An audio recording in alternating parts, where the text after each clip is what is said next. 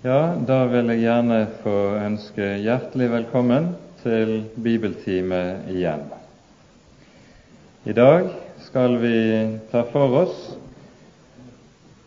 hovedsakelig i hvert fall, eh, beretningen i kongebøkene om kong Manasses regjeringstid, men vi vil også stanse noe opp for enkelte ting som vi ikke ble ferdig med forrige gang, når det gjaldt kong Esekias regjeringstid.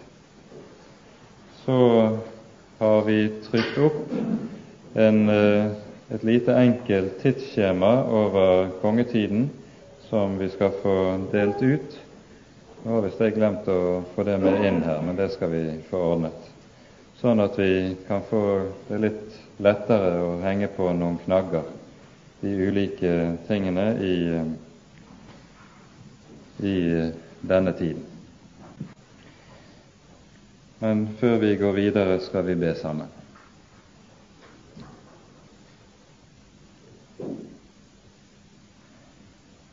Kjære gode Herre og Hellige Far. Vi takker og lover deg for din store nåde og barmhjertighet imot oss. Takk, gode Herre, at du har gitt oss barnekår hos deg for Jesus skyld, og at du med ham har gitt oss en evig rettferdighet, en fullkommen forlatelse og alt vi ellers trenger til liv og salighet, både her i verden og i den kommende. Takk, Hellige Gud, at din barmhjertighet ikke tar slutt. Nå ber vi deg at du vil gjøre slik vi har sunget, at du vil lære oss å kjenne dine veier og dine tanker, at du vil sende din Hellige Ånd og føre oss inn i ditt dyre ord så vi må få se lys i ditt lys og bli frelst. Kom, Herre, du, og vær hos oss. Ta deg av oss, slik du ser hver og en trenger det, og før oss så til det evige liv. I Jesu navn. Amen.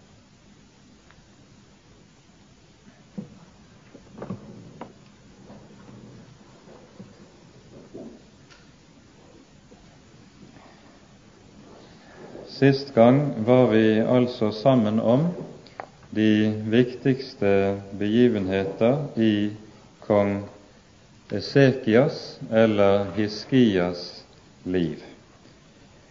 Og vi så at, og det er noe vi vet fra også tidligere bibeltimer, at akkurat denne periode vi nå er inne i i Israels historie, er en særlig brytningstid, en særlig skjebnetid for Guds folk.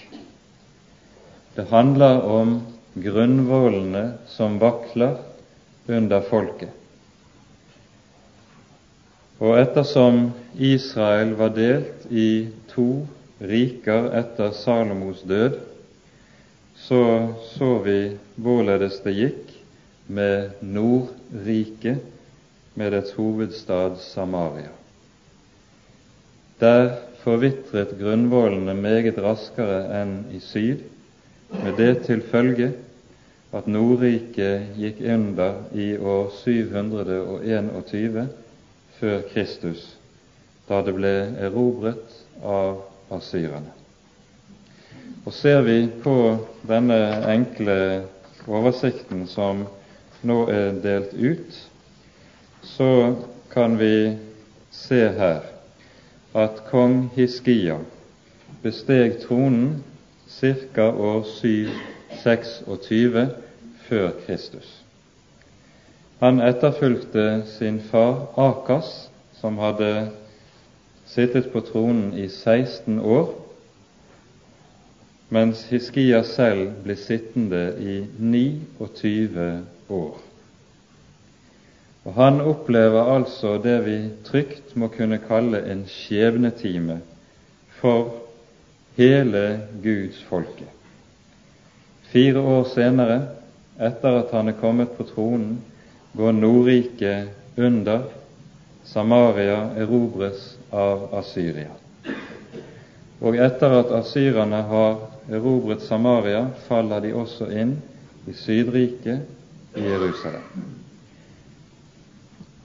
Noe endelig slag rammer likevel ikke Sydriket på denne tid. Asyrerne trekker seg tilbake fordi de har andre ting å ta seg av, til de vender tilbake med full tyngde og full styrke noen år senere, i 713 ca. Og igjen må det sies alle årstall vi her har for, seg, for oss, er anslagsvis og cirka. Det er veldig vanskelig å tidfeste disse tingene helt nøyaktig. På denne tid, 713 ca., blir også kong Hiskia alvorlig syk, dødssyk, noe vi skal komme tilbake til ganske straks. Men får da etter sin helbredelse det løftet av Gud at han skal få enda 15 år på tronen. 15 år blir hans livsdag forlenget. Noe som fører til at hele folket kommer til å vite og forvente Hiskias død, som så følger i år 6, 97 før Kristus. Hele denne epoke som vi her har for oss, domineres av det asyriske verdensriket. Og det er slik at Hiskias tid, hans regjeringstid, er også profeten Jesajas og profeten Mikas hovedtid, hovedvirketid, som profeter.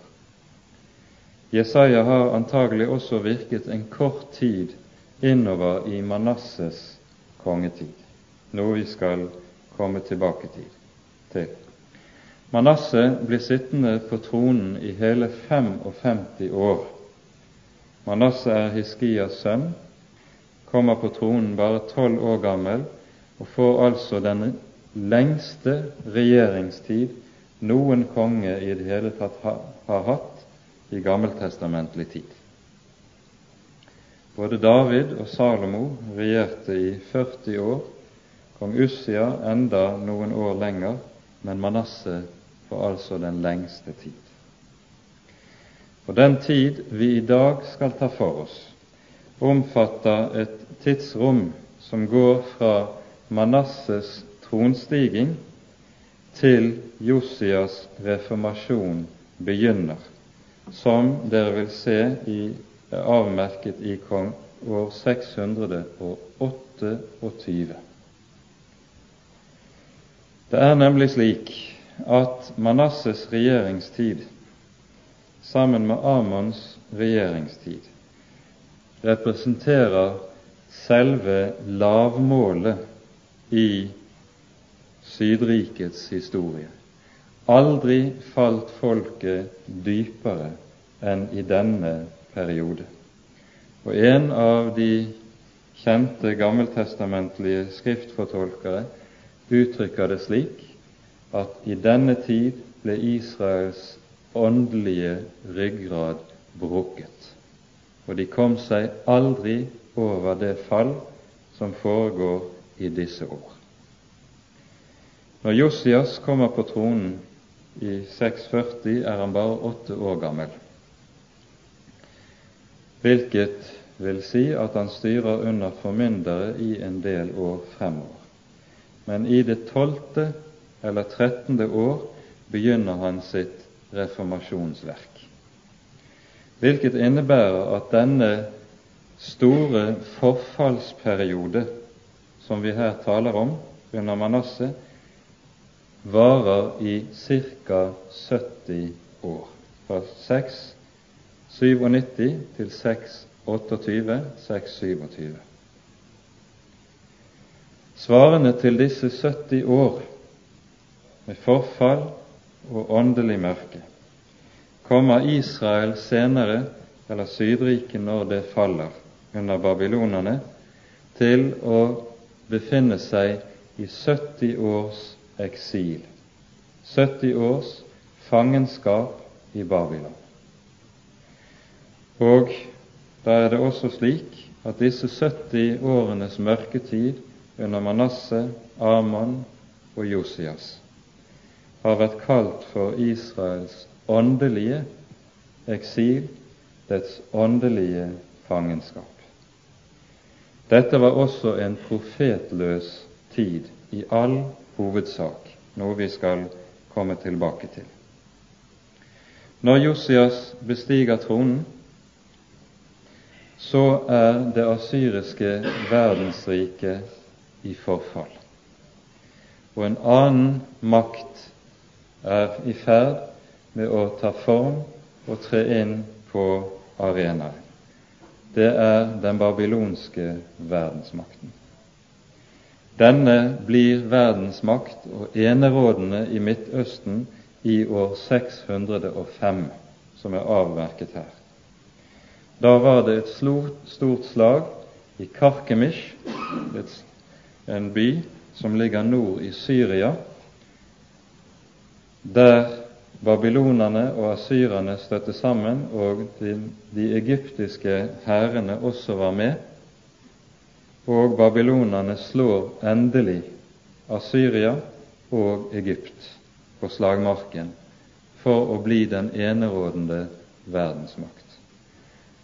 Dette innebærer at fra år 605 av er Sydriket også et lydrike under Babylon, som er skattskyldig overfor den babylonske verdensmakt, der Nebukadneser er herre. I denne sammenheng har vi også to profetiske perioder. Den asyriske periode har to hovedprofeter, nemlig Jesaja og Mika, som virker frem til hovedsakelig Manasses tronstigning. Så blir det 70 års taushet uten profeter frem til Josias reformasjonstid begynner. Da er det de nye profeter igjen kommer inn på arenaen, og den, denne periodes hovedprofet er da Jeremias. Vi kan da si det slik at vi har to hovedprofeter i den asyriske periode, Jesaja og Mika. Mens når den babylonske periode begynner, får vi så en ny hovedprofet, Jeremia, som virker sammen med et par mindre profeter, nemlig Nahum og Sefania. Noe senere kommer det to profeter til som kommer til å prege den babylonske epoken spesielt. Det er nemlig unnskyld, Daniel og Esekiel. Men disse to virket ikke i Jerusalem. De kom til å virke i Babylon blant de som ble ført bort i fangenskap der.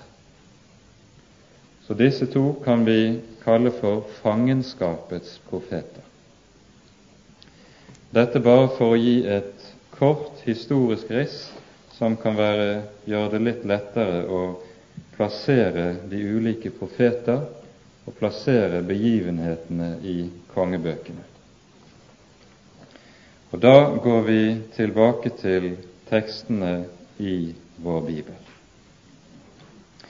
Og Det vi da skal begynne med i dag, det er at vi skal stanse opp for en ganske bestemt begivenhet, nemlig kong Hiskias sykdom, som står omtalt både i annen kongebok 20. kapittel og hos profeten Jesaja i det 38. kapittelet. Og vi skal lese da hos Jesaja fremstillingen der.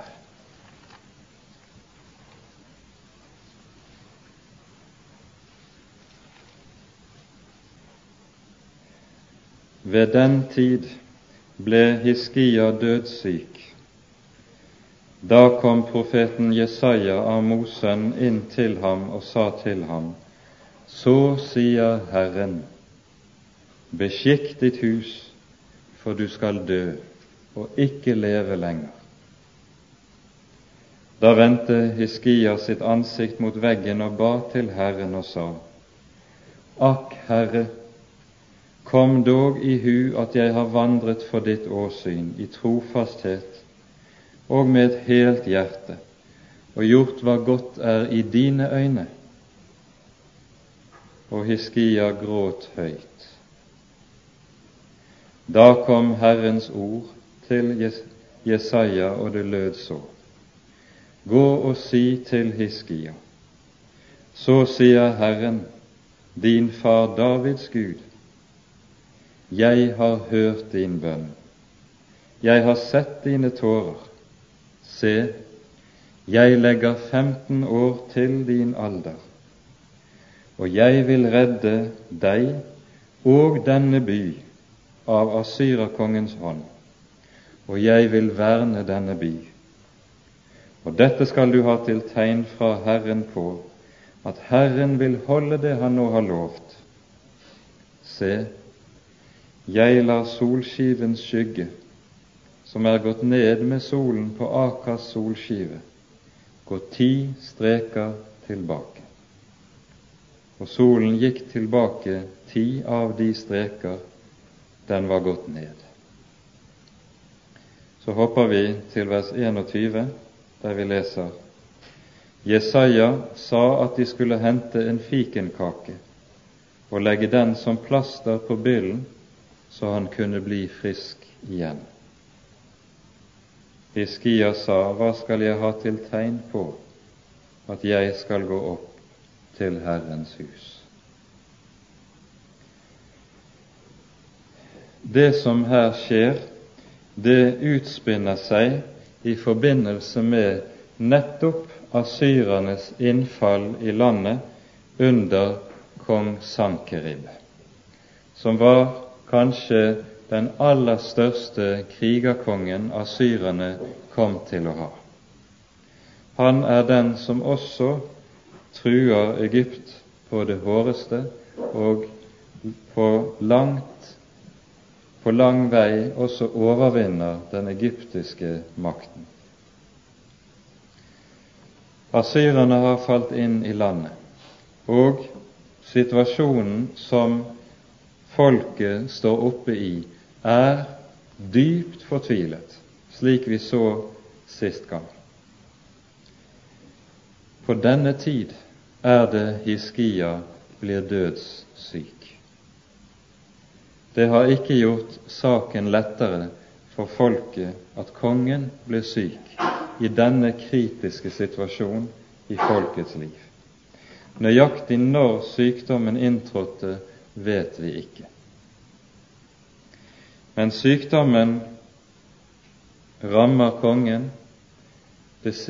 Han forstår, og alle omkring ham forstår, at det er alvorlig. Og så er det Jesaja blir sendt til ham med Herrens eget ord. Beskikk ditt hus, du skal dø og ikke leve lenger. Her møter vi et uttrykk som for all tid har vært helt sentralt når det har vært tale om det å forberede seg til å dø på rette måte. Man taler om å beskikke sitt hus, det vil si å gjøre opp med alle ting i livet som ligger der, slik at man kan gå ut av verden og har lagt bak seg alle ting. Være ferdig med det fordi det er oppgjort både med Gud og med mennesker. Beskikk ditt hus, for du skal dø. Dette er en formaning som ligger der over hvert menneske i forhold til døden, og som skal hjelpe oss med åpne øyne å være rede til å møte døden, møte vår Gud bakom. Jesaja kommer med dette som et ord fra Herren til kongen. Og Hiskia brister i gråt, hører vi. Og så skjer det underlige at Jesaja knapt har vendt tilbake til sitt hjem. Slik må vi vel forstå det som står her. Før Herren gir ham et nytt ord. Han skal vende tilbake til kongen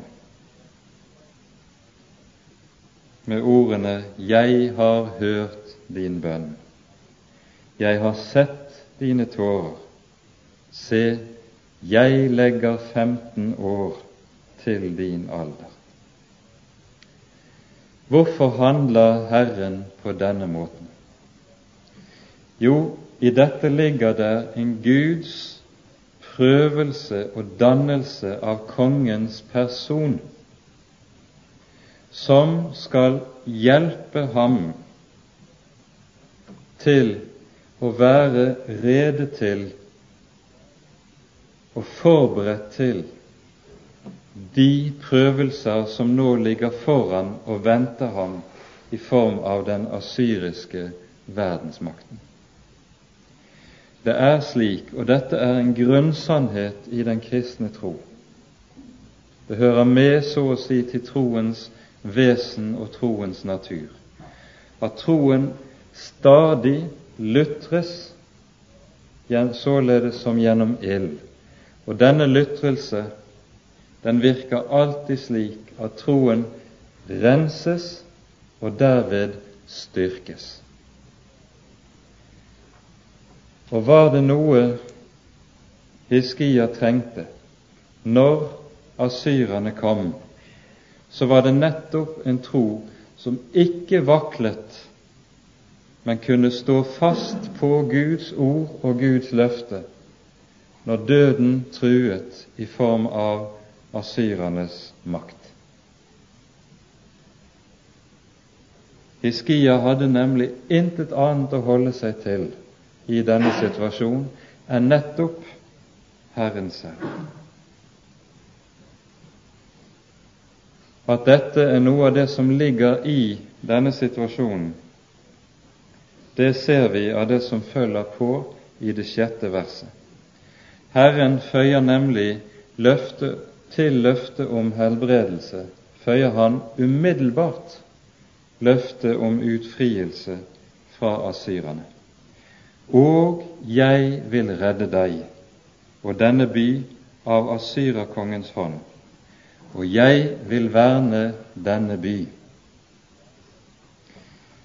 I dette er det altså ikke bare slik at Gud gjennom Hiskias sykdom handler med Hiskias selv, lutrer hans tro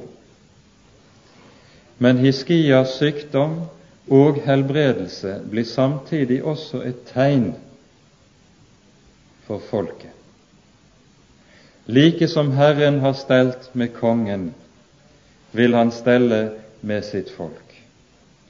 For akkurat som Herren har talt til Hiskia, har han jo nettopp også talt til Juda og Jerusalem. Gjennom profeten har han billedlig talt til folket beskikk deres hus, for døden, for undergangen står for døren ved asyrernes makt. Beskikk deres hus, du mitt folk. Og Samtidig er det slik at slike Guds ord, når de lyder, da lyder de der aldri som ord som så å si er gir en fatalistisk naturlov, for å si det på det viset. Noe som er uunngåelig. Men det er et ord som sier dersom det får virke omvendelse, da vil Herren også vende seg om fra hva Han har talt, hva Han har tenkt. Vi har tidligere vært inne på ordene i Jeremias 18. kapittel, som vi godt kan minne om også i denne sammenheng. Der vi hører om Jeremias som blir sendt til pottemakerens hus.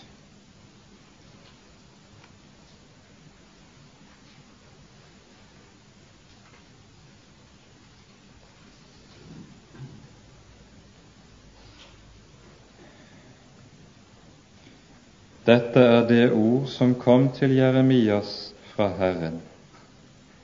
Stå opp og gå ned til pottemakerens hus. Der vil jeg la deg høre mine ord. Og jeg gikk ned til pottemakerens hus, og se, han gjorde sitt arbeid på skiven. Når det kar han gjorde, ble mislykket, som det kan gå med leiren i pottemakerens hånd, så gjorde han det om igjen til et annet kar, slik han ville ha det. Og Herrens ord kom til meg, og det lød så. Skulle ikke jeg kunne gjøre med dere Israels hus som denne pottemaker, sier Herren. Se, som leiren er i pottemakerens hånd, således er dere i min hånd, Israels hus. En gang taler jeg om et folk og et rike, at jeg vil rykke opp og rive ned og ødelegge. Men dersom det folk som jeg har talt om, vender om fra sin ondskap, da angrer jeg det onde som jeg hadde tenkt å gjøre mot det. Ord vi vel trenger å merke oss. Vi kunne godt si det slik, for å sette det på spissen, at når profeten kommer med slike doms- og trusselsord som han hadde gjort til folket, og som vi leser om gjennom store deler av Jesajas bok tidligere, så taler Jesaja ikke for at Herrens ord skal gå i oppfyllelse, men i håp om at det ikke skal gå i oppfyllelse, nemlig at det skal få virke omvendelse, slik at Herren også vender seg fra hva Han har talt. Just dette er det Hiskias dødssykdom og legedom skal være en anskuelsesundervisning for hele Guds folk om. Han får Guds ord og Guds dom, og etter bønnen, etter tårene som påkaller og roper på Herren, kommer løftet om legedom og fornyet liv. Legedom, oppreisning, og at hans livs grense skyves ut så skal det også være med Herrens folk. De skal ikke gå under ved asyrene. De får forlenget sitt livs tid. Og så lover og gir Herren dem et tegn, som er et underlig tegn. Akas, Hiskias far, hadde vært i Damaskus og lært både det ene og det annet hos den asyriske kongen. Vi husker hvorledes han hadde hentet bl.a. et alter derfra som var satt opp i Herrens tempel. Han hadde også fra disse makter lært dette som har med solur å gjøre, og satt opp et solur i palasset sitt. Nå lover Herren soluret skal gå ti streker tilbake, ikke ti streker frem.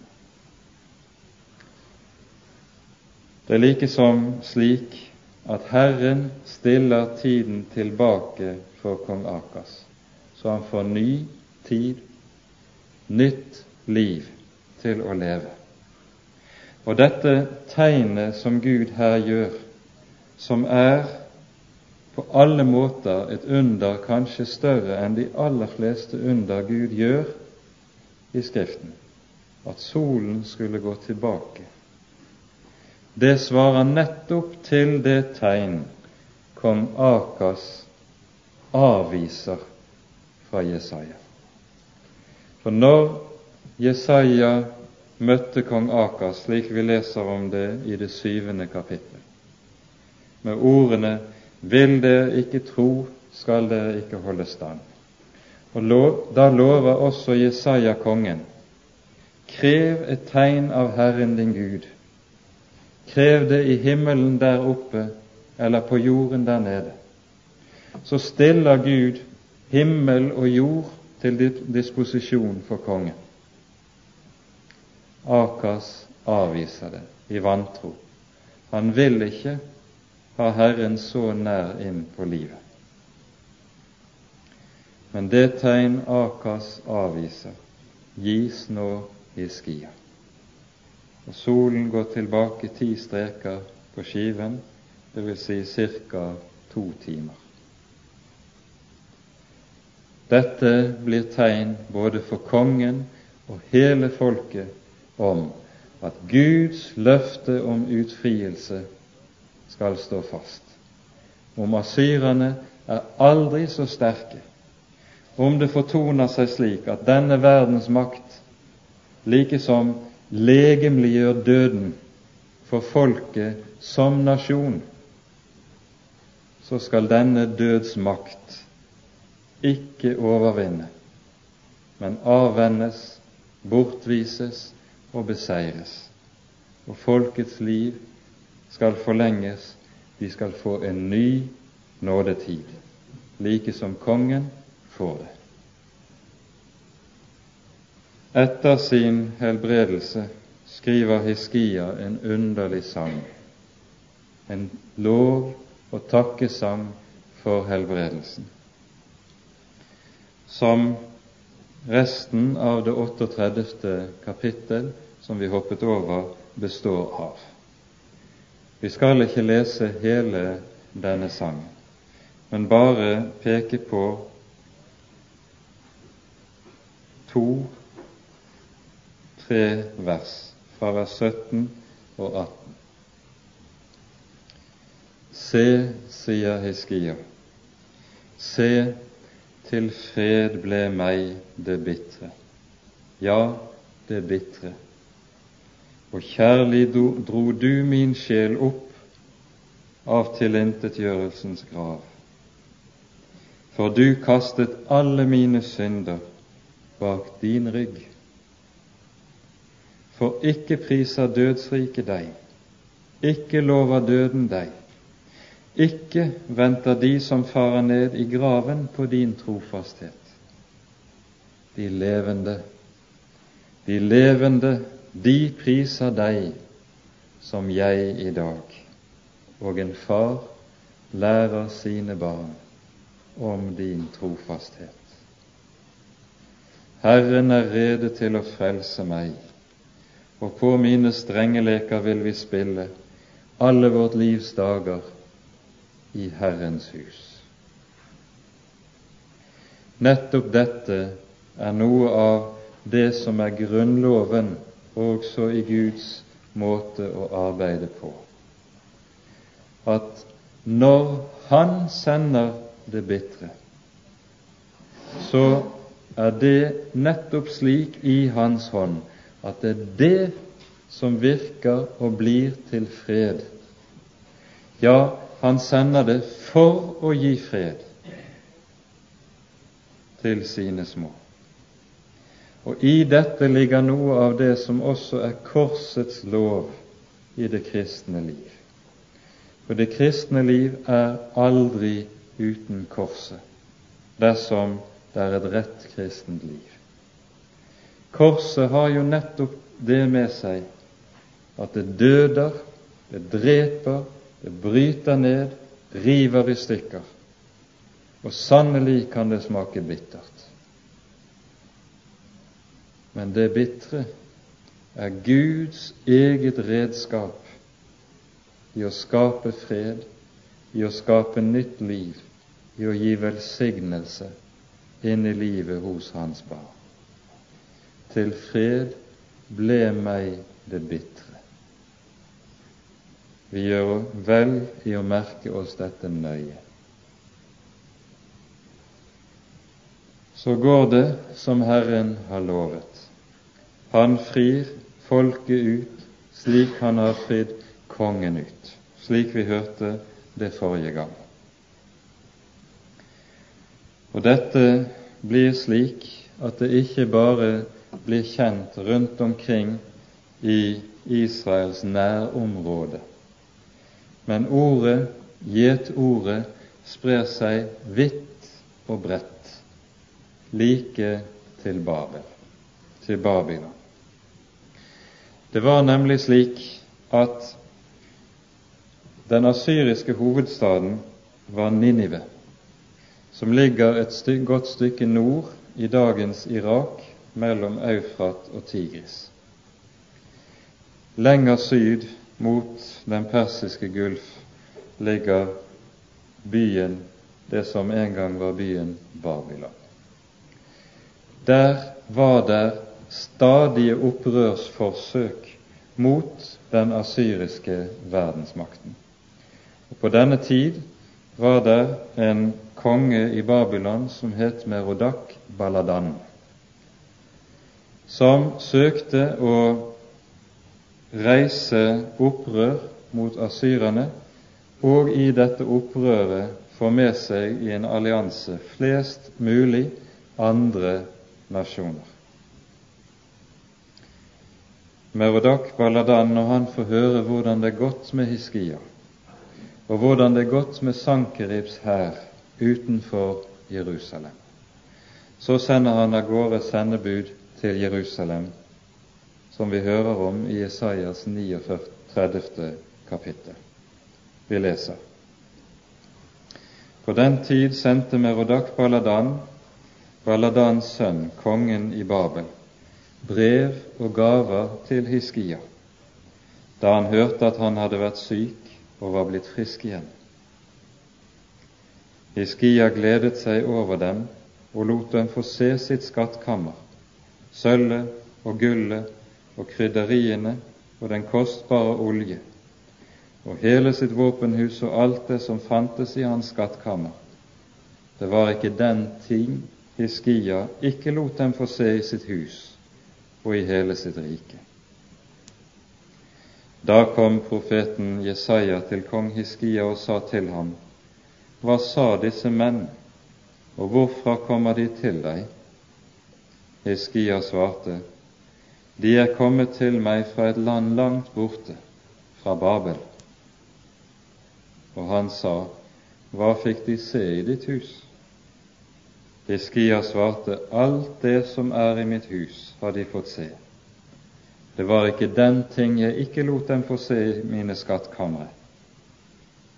Da sa Jesaja til Hiskia, Hør Herrens herskarenes Guds ord. Se, de dager kommer da alt det som er i ditt hus, og alle de skatter som dine fedre har samlet like til denne dag, skal føres bort til Babel. Det skal ikke noen, bli noen ting tilbake, sier Herren. Og blant dine sønner, som skal utgå av deg og som du skal avle, skal det være noen som blir tatt til hoffmenn i kongen av Babels palass. Daniel var en av dem, som vi hører om senere.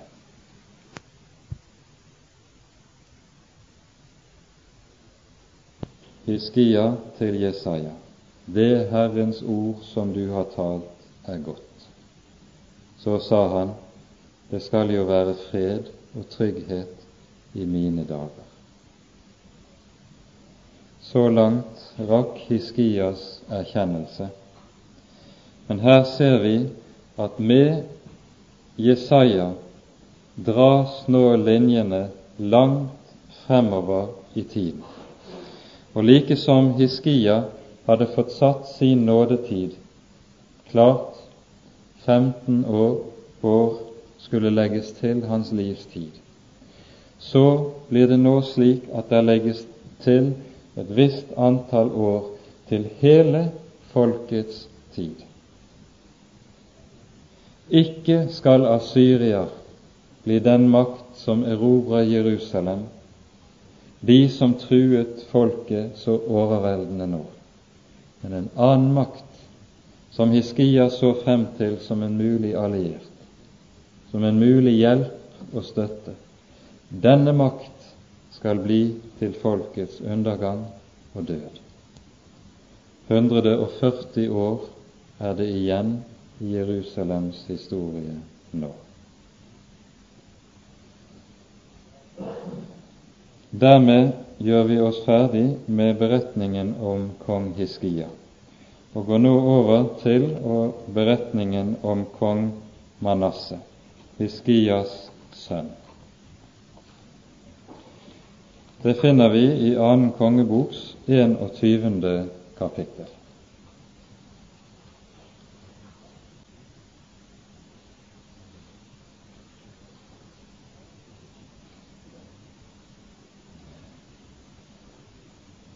I det siste verset i det foregående kapittel lyder det:" Hiskia la seg til hvile hos sine fedre, og hans sønn Manasseh ble konge i hans sted. Manasseh var tolv år gammel da han ble konge, og han regjerte 55 år i Jerusalem. Hans mor het Hefsiba. Han gjorde hva ondt var i Herrens øyne, etter de vederstyggelige skikker hos de hedningefolk Herren hadde drevet bort for Israel, Israels barn. Han bygget opp igjen de offerhauger som hans far Hiskia hadde ødelagt, og reiste alteret for Baal, gjorde et astartebilde, like som Israels konge Akab hadde gjort for han tilba hele himmelens hær og dyrket den. Og han bygget alteret i Herrens hus, enda Herren hadde sagt, i Jerusalem vil jeg la mitt navn bo. For hele himmelens hær bygget han alteret i begge forgårdene til Herrens hus. Han lot sin sønn gå gjennom ilden og ga seg av med å spå av skyene og tyde varsler og fikk seg dødningemanere og sannsigere. Og han gjorde meget som var ondt i Herrens øyne, så han vakte hans harme.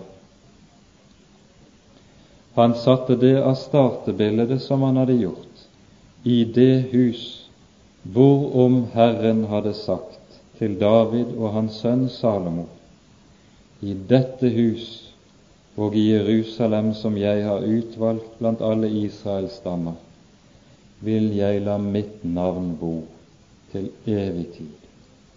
Og jeg vil ikke mer la Israel vandre hjemløse bort fra det land jeg ga deres fedre.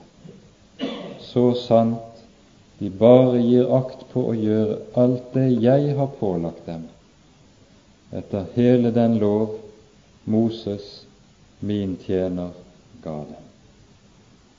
Men de ville ikke høre, og Manasseh forførte dem, så de gjorde enda mer ondt enn de hedningefolk som Herren hadde utryddet for Israels barn. Da talte Herren ved sine tjenere profetene og sa:" Fordi Judas konge Manasseh har gjort disse vederstyggelige ting, gjort det som er verre enn alt det amorittene som var før ham gjorde, og til og med har forført Juda til synd med sine motbydelige avguder. Derfor sier Herren Israels Gud så, se, jeg fører ulykke over Jerusalem og Juda, så det skal ringe for ørene for begge ørene på hver den som hører det. Vi stanser der foreløpig. Sist gang var vi sammen om og så på hvorledes det som utgjorde grunnpilaren i Hiskias regjering, det var hans reformasjon. Han søkte konsekvent å utrydde avgudsdyrkelsen av hele folket, og gikk lenger i dette stykket enn noen av sine forgjengere. Med Manasseh møter vi det vi med rette kan kalle en radikal motreformasjon. Alt hva Hiskia brøt ned, bygger Manasseh. Alt hva Hiskia bygget opp, bryter Manasseh ned. Og han går enda langt videre i sin avgudsdyrkelse enn Akas gjorde, som var det foreløpige bunnpunktet i folkets liv. Vi hører og vi skal ganske kort se på et par av disse tingene. Hvorledes han bygger opp igjen offerhaugene rundt om i landet, som Hiskia hadde revet ned. Dette var en viktig bestanddel eller hoveddel i Hiskias reformasjonsverk. Nå gjenreises dette slik at du får avgudsalteret overalt omkring i landet.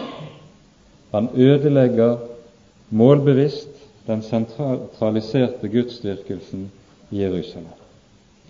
Dernest innføres Bals- og astartedyrkelsen som riksreligion i landet igjen. Den kananittiske avgudsdyrkelsen, som var hovedårsak til at kananittene ble drevet bort til fordel for Israel den gang Josva inntok landet, den er det nå Manasseh gjeninnfører og gjør til riksreligion ved å sette astartebildet i Herrens tempel. Det er radikaliteten i det Manasseh gjør. Samtidig ser vi at Manasseh er en som driver du kunne kalle det for en nokså konsekvent religionsblanding. Han henter inn religiøse ideer og avguder fra alle områder i Israels naboskap. Når det står om, slik vi leste det i vers 3 og i vers 5, om at han tilber hele himmelens hær, så tenkes det med dette på den særlige babylonske gudsdyrkelse, hvor man forbandt stjernene og stjernetegnene på himmelhvelvingen med guder og Guds navn, og hvor særlig planetene symboliserte bestemte guder. Særlig var måneguden populær og ble tilbedt som fruktbarhetsgudinne. Nana var hennes navn i babylonsk religion. Og vi skjønner at i og med at denne type babylonsk gudsdyrkelse kommer inn, dyrkelse av stjernene, så kommer også astrologien inn i fotsporene på dette. For det, det er dette som er astrologiens idébakgrunn. Man så på stjernene som guddommelige makter, og det forhold disse sto i til hverandre, var bestemmende for hvorledes begivenhetene på jorden kom til å foregå. Derfor, den som kjente og forsto stjernenes gang på jorden, han ville også kjenne og forstå fremtiden i historien. Så kommer alt som har med astrologi horoskop og den slags inn i Israel. Vi forstår at den slags hadde vært nytt på dette tidspunkt.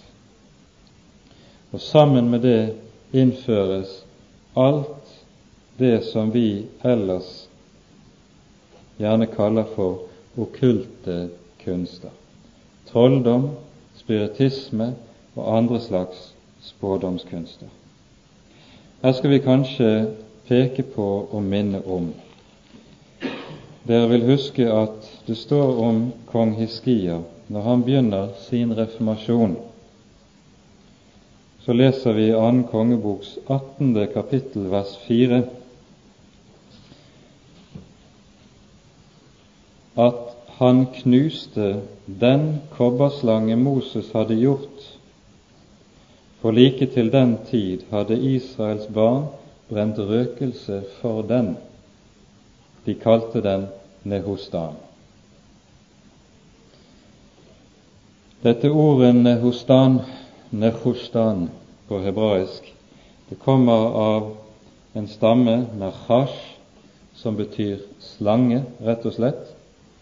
Og dette ordet nachash, det er også roten i det hebraiske ord for trolldom.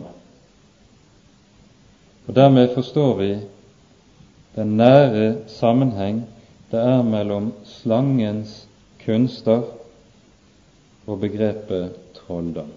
De ligger meget nær hverandre.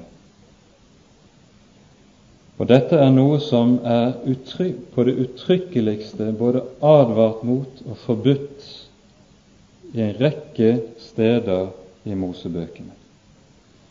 Og der disse kunster kommer inn, der det okkulte kommer inn, hvilket navn det enn har, der fører det alltid og uvegerlig til at onde åndsmakter får et dominerende grep på mennesker. Dette er det som gjør det så farlig også. Vi hører videre om Hiskia at han gjeninnfører den menneskeofring, barneofring, som Akas hadde foretatt. Vi leste i vers 6 han lot sin sønn gå gjennom ilden. Ofra barna sine til guden Målok. Forferdelige ting foregår i Guds folk. Her skal vi bare peke på et par ting som jeg tror er viktig å ta med i denne sammenheng. Fordi det som kjennetegner Israel, og ganske særlig Manasseh, i denne sammenheng, er at han er aldri original i sin religiøsitet. Det som er Guds folks identitet og originalitet, det er nettopp i det at de tror på, følger og dyrker Herren sin Gud Forlates Han, da har man kun tilbake etterligningene etter det som nabofolkene holder på med. Da har man ikke lenger noen form for originalitet. Og så ser man Guds folk gjøre det som er så uhyggelig, og som man dog altfor ofte ser, også i Kirkens historie, at når de kristne mister fotfeste i det som er roten og grunnen i troen, så begynner de å løpe rundt omkring og etterligne alle andre. Ta etter snart den ene og snart den andre i deres religiøse praksis. Jeremias har noen treffende ord om dette i sin bok i det annet kapittel. Der leser vi slik i vers 24.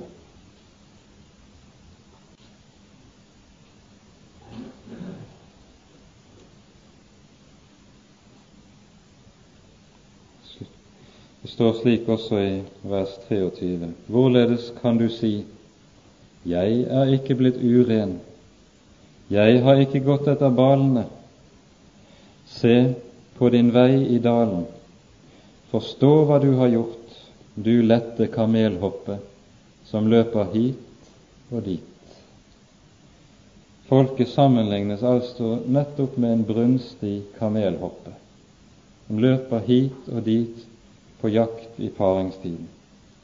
Lik et villesel som er vant til ørkenen, snapper hun etter været i sin sjels attrå. Hennes brynde, hvem kan dempe den? Alle de som søker henne, slipper å løpe seg trette. I hennes måned finner de henne. Hennes brynde, hvem kan dempe den? De er slike som aldri får nok, og derfor stadig er på leting etter noe nytt, mer nytt, mer sensasjoner, mer originalt. Aldri i ro. Hit og dit løper folket. Og Samtidig så ser vi at denne religiøse smeltedigel som Manasseh skaper i Jerusalem, utgjør en veldig sammensurium, en religionsblanding. Og i dette blir det også slik at dyrkelsen av Israels Gud likesom dras inn i avgudsdyrkelsen. Hos Hosea hører vi i det annet kapittel om hvorledes folket nettopp fortsetter å dyrke Herren, men så roper de på Herren og kaller ham min Baal. Altså, man beholder dyrkelsen av Israels Gud i navnet, men fyller den med et annet innhold. Og Nettopp det var det jo som var skjedd med Israel når de dyrket kobberslangen. Det som var symbolet på frelsen som var gitt dem ved Moses. Frelsen ved Guds løfte, frelsen fra dommen. Hva er det folket gjør? De tar dette symbol og fyller det med et nytt innhold. Og så blir det i vesen avguderi, men i navnet sann tro. Og Dette har alltid vært noe av et vesenskjennetegn ved frafall fra i den kristne tro. Altfor ofte har det vært slik i Den kristne kirkes historie at nettopp dette skjer. Man endrer innholdet i troen, men beholder navnet. Skinnet er der, men i gavnet er det dypt frafall. Slik også i Manasses tid. Det alvorligste som skjer i Manasses tid, ved siden av all innføringen av barneoffer, er det målbevisste fiendskap som etter hvert reiser seg mot Guds ord og mot de som forkynner Guds ord. For etter Hiskias regjeringstid så må det ha vært en ikke liten trofast kjerne i folket som har reagert på det som nå foregår, som har reagert og som har protestert, og som har hatt sine førere nettopp i menn som Jesaja som i Mika. Vi leser fra vers 16 i 2. kongebok 21. Manasse utøste også uskyldig blod i så stor mengde at han fylte Jerusalem fra ende til annen. Foruten den synd at han forførte Juda til å synde og gjøre hva ondt var i Herrens øyne. De Guds tjenere som løftet røsten til protest, til et avgjort nei til det som nå skjedde i folket. De stred imot utgledningen, mot frafallet, med ordets og med munnens sverd. Men de ble møtt av kongen og av makten med håndens sverd. Og så innledes det en martyrtid i Guds rikes historie, som er en av de første. Manasses regjeringstid er martyrtid. Og så er det slik i synagogens tradisjon at den også sier at profeten Jesaja led martyrdøden under Hiskia. Tradisjonen sier at han ble saget i to deler av kongen. Og Dette har vi en hentydning til i Hebreabrevet i det ellevte kapittel, der det står om de som var tro, som ikke vek av, selv om presset var aldri så hårdt. Hebreerne 11, fra vers 36 leser vi slik. Andre fikk lide spott, utstrykning, ja, bånd og fengsel. Det hører vi også i Det gamle testamentet. De ble stenet, gjennomsaget. det er henvisningen til Jesajas død. Gjennomsaget, fristet. De døde for sverd, flakket omkring i fåreskinn, i gjeteskinn, led mangel, trengsel, hår medfart. Verden var dem ikke verd. Slik en martyrtid er det Manasseh nå innleder. Det er en vond, det er en mørk tid i Guds folks historie. Vi er inne i Israels natt. I denne tid er det altså noen som har oppløftet røsten for å påtale og si nei til det som har skjedd. Deres budskap hører vi referert fra vers 11 til vers 15 i dette kapittelet. Og vi leser disse versene. Fordi Judas konge Manasseh har gjort disse vederstyggelige ting, gjort det som verre er enn alt det amorittene som var før ham gjorde, og til og med har forført Juda til synd med sine motbydelige avguder. Derfor sier Herren, Israels Gud, så:" Se, jeg fører ulykke over Jerusalem og Juda, så det skal ringe for begge ørene på hver den som hører om det. Jeg vil utstrekke samme målesnor over Jerusalem som over Samaria og bruke samme vektlodd som mot Akabs hus, og vil tørke bort Jerusalem like som en tørker av et fat. Og når det er avtørret, snur en det opp ned. Jeg vil støte fra meg levningen av min arv og overgi dem i deres fienders hånd, og de skal bli til bytte og til rov for alle sine fiender fordi de har gjort hva ondt er i mine øyne, og egget meg til vrede fra den dag deres fedre gikk ut av Egypten og like til denne dag. Ved Manasseh knekkes Israels åndelige ryggrad. Og Derfor er det også slik at når dommen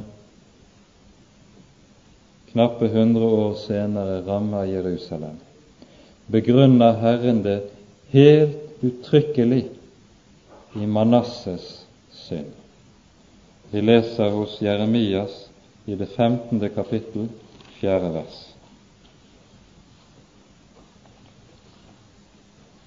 Vi kan lese vers tre og fire i Jeremias 15.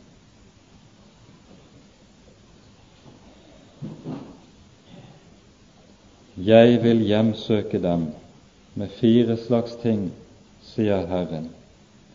Sverdet til å drepe dem, hundene til å slepe dem bort, og himmelens fugler og jordens dyr til å ete og ødelegge dem.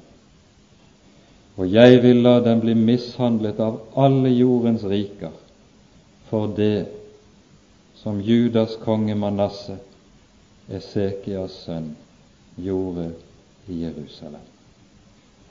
En rekke andre steder henvises det til nøyaktig samme sak. Manasses synd ødela folket. Hvorledes ble dette budskap som profetene talte, når de sa nei, mottatt? Vi hører om forfølgelsestidene som fulgte, og vi skjønner at det var ikke populær tale de kom med. Allerede i Hiskias regjeringstid var det slik at når Jesaja talte, reagerte folk med dyp motvilje mot hans budskap. I Jesajas 30. kapittel leser vi f.eks. slik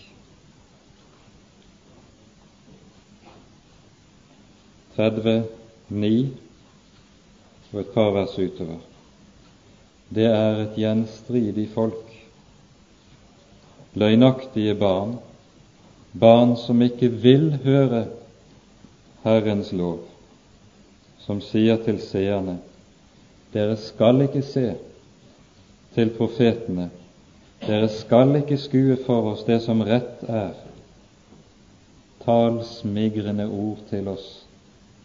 Sku synkvervinger. Vik av fra veien. Bøy av fra stien.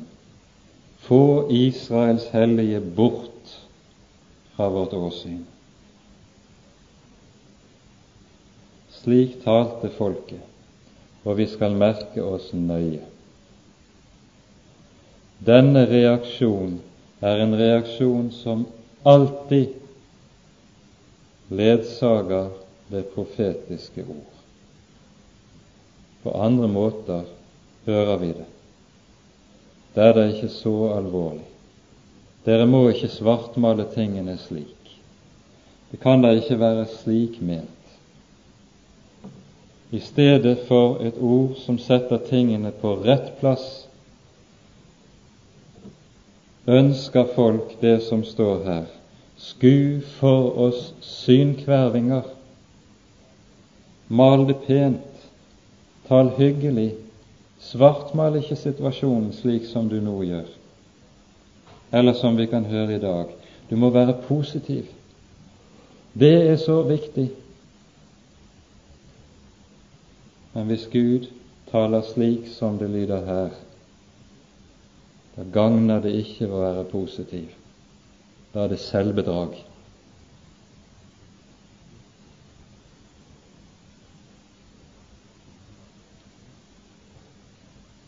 Dette er noe som vi skal merke oss meget nøye. For slik er det reaksjonen stadig er når Guds ord lyder så klart og så skarpt at det kaster et, ikke bare et avslørelsens lys innover tiden, innover forholdene vi lever i, innover Kirken vi lever i. Men når dette av, slørelsens lys også tegner for oss hva som ligger foran, nemlig at som et menneske sår, skal det òg høste. Sår du i kjødet, skal du høste fordervelse av kjødet. Dommen står for døren. Da vil folk stadig på ny si Solen skinner, vi har det da så godt. Kom ikke med slike mørke ord, med slik negativ tale. Kom heller med slikt som kan oppmuntre oss. Er det vi trenger i en vanskelig verden. Men slik taler ikke Guds ord og Guds profeter. Jeg vil vende opp ned. Jeg vil snu Jerusalem opp ned som en skål som er avtørket. Det er ingenting igjen i den. Du finner intet om du prøver. Slik ville Herren handle med Jerusalem. Og slik talte han gjennom sine tjenere. Vi gjør vel i å merke oss det som der skjedde.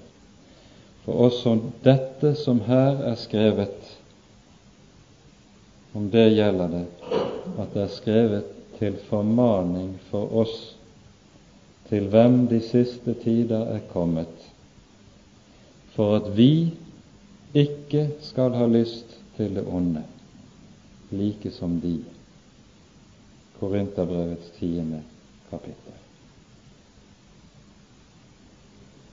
Amen.